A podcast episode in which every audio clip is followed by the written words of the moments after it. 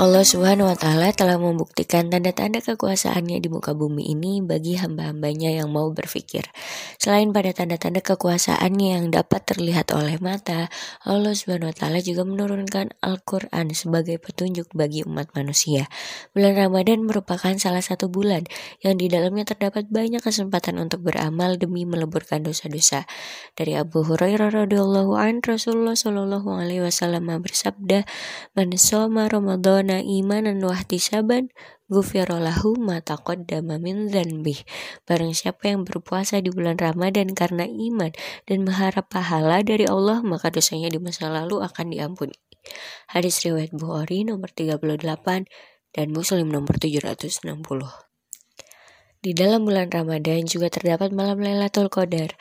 Malam Lailatul Qadar merupakan malam yang mulia. Segala ibadah yang dilakukan di malam tersebut akan dilipat gandakan pahalanya. Bukan lagi dilipat gandakan, akan pokoknya diampuni segala dosa-dosanya, dikabulkan segala hajatnya.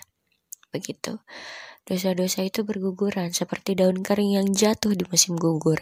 Maka mintalah ampunan kepada Allah sebagai ikhtiar menuju akhir yang baik. Sebagai seorang muslim, taat kepada Allah itu adalah sebuah kewajiban.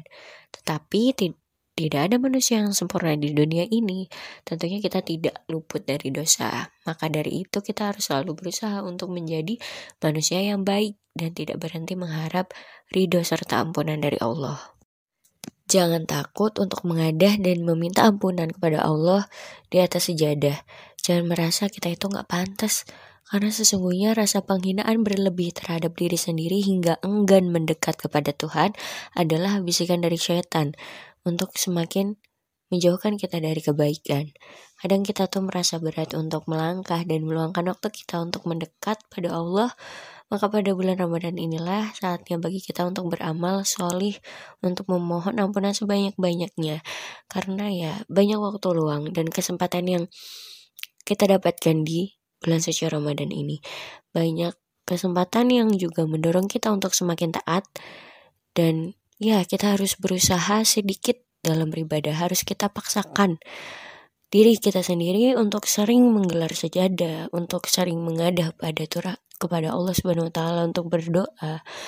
Bulan Ramadan itu selalu menghadirkan atmosfer ketenangan dan kenyamanan agar hamba-hambanya yang beriman dapat beribadah dalam kenyamanan dan ketenangan. Insya Allah, jangan lupa saling mendoakan semoga kita termasuk hambanya yang diberi rahmat dan ampunan. Amin. Allahumma amin.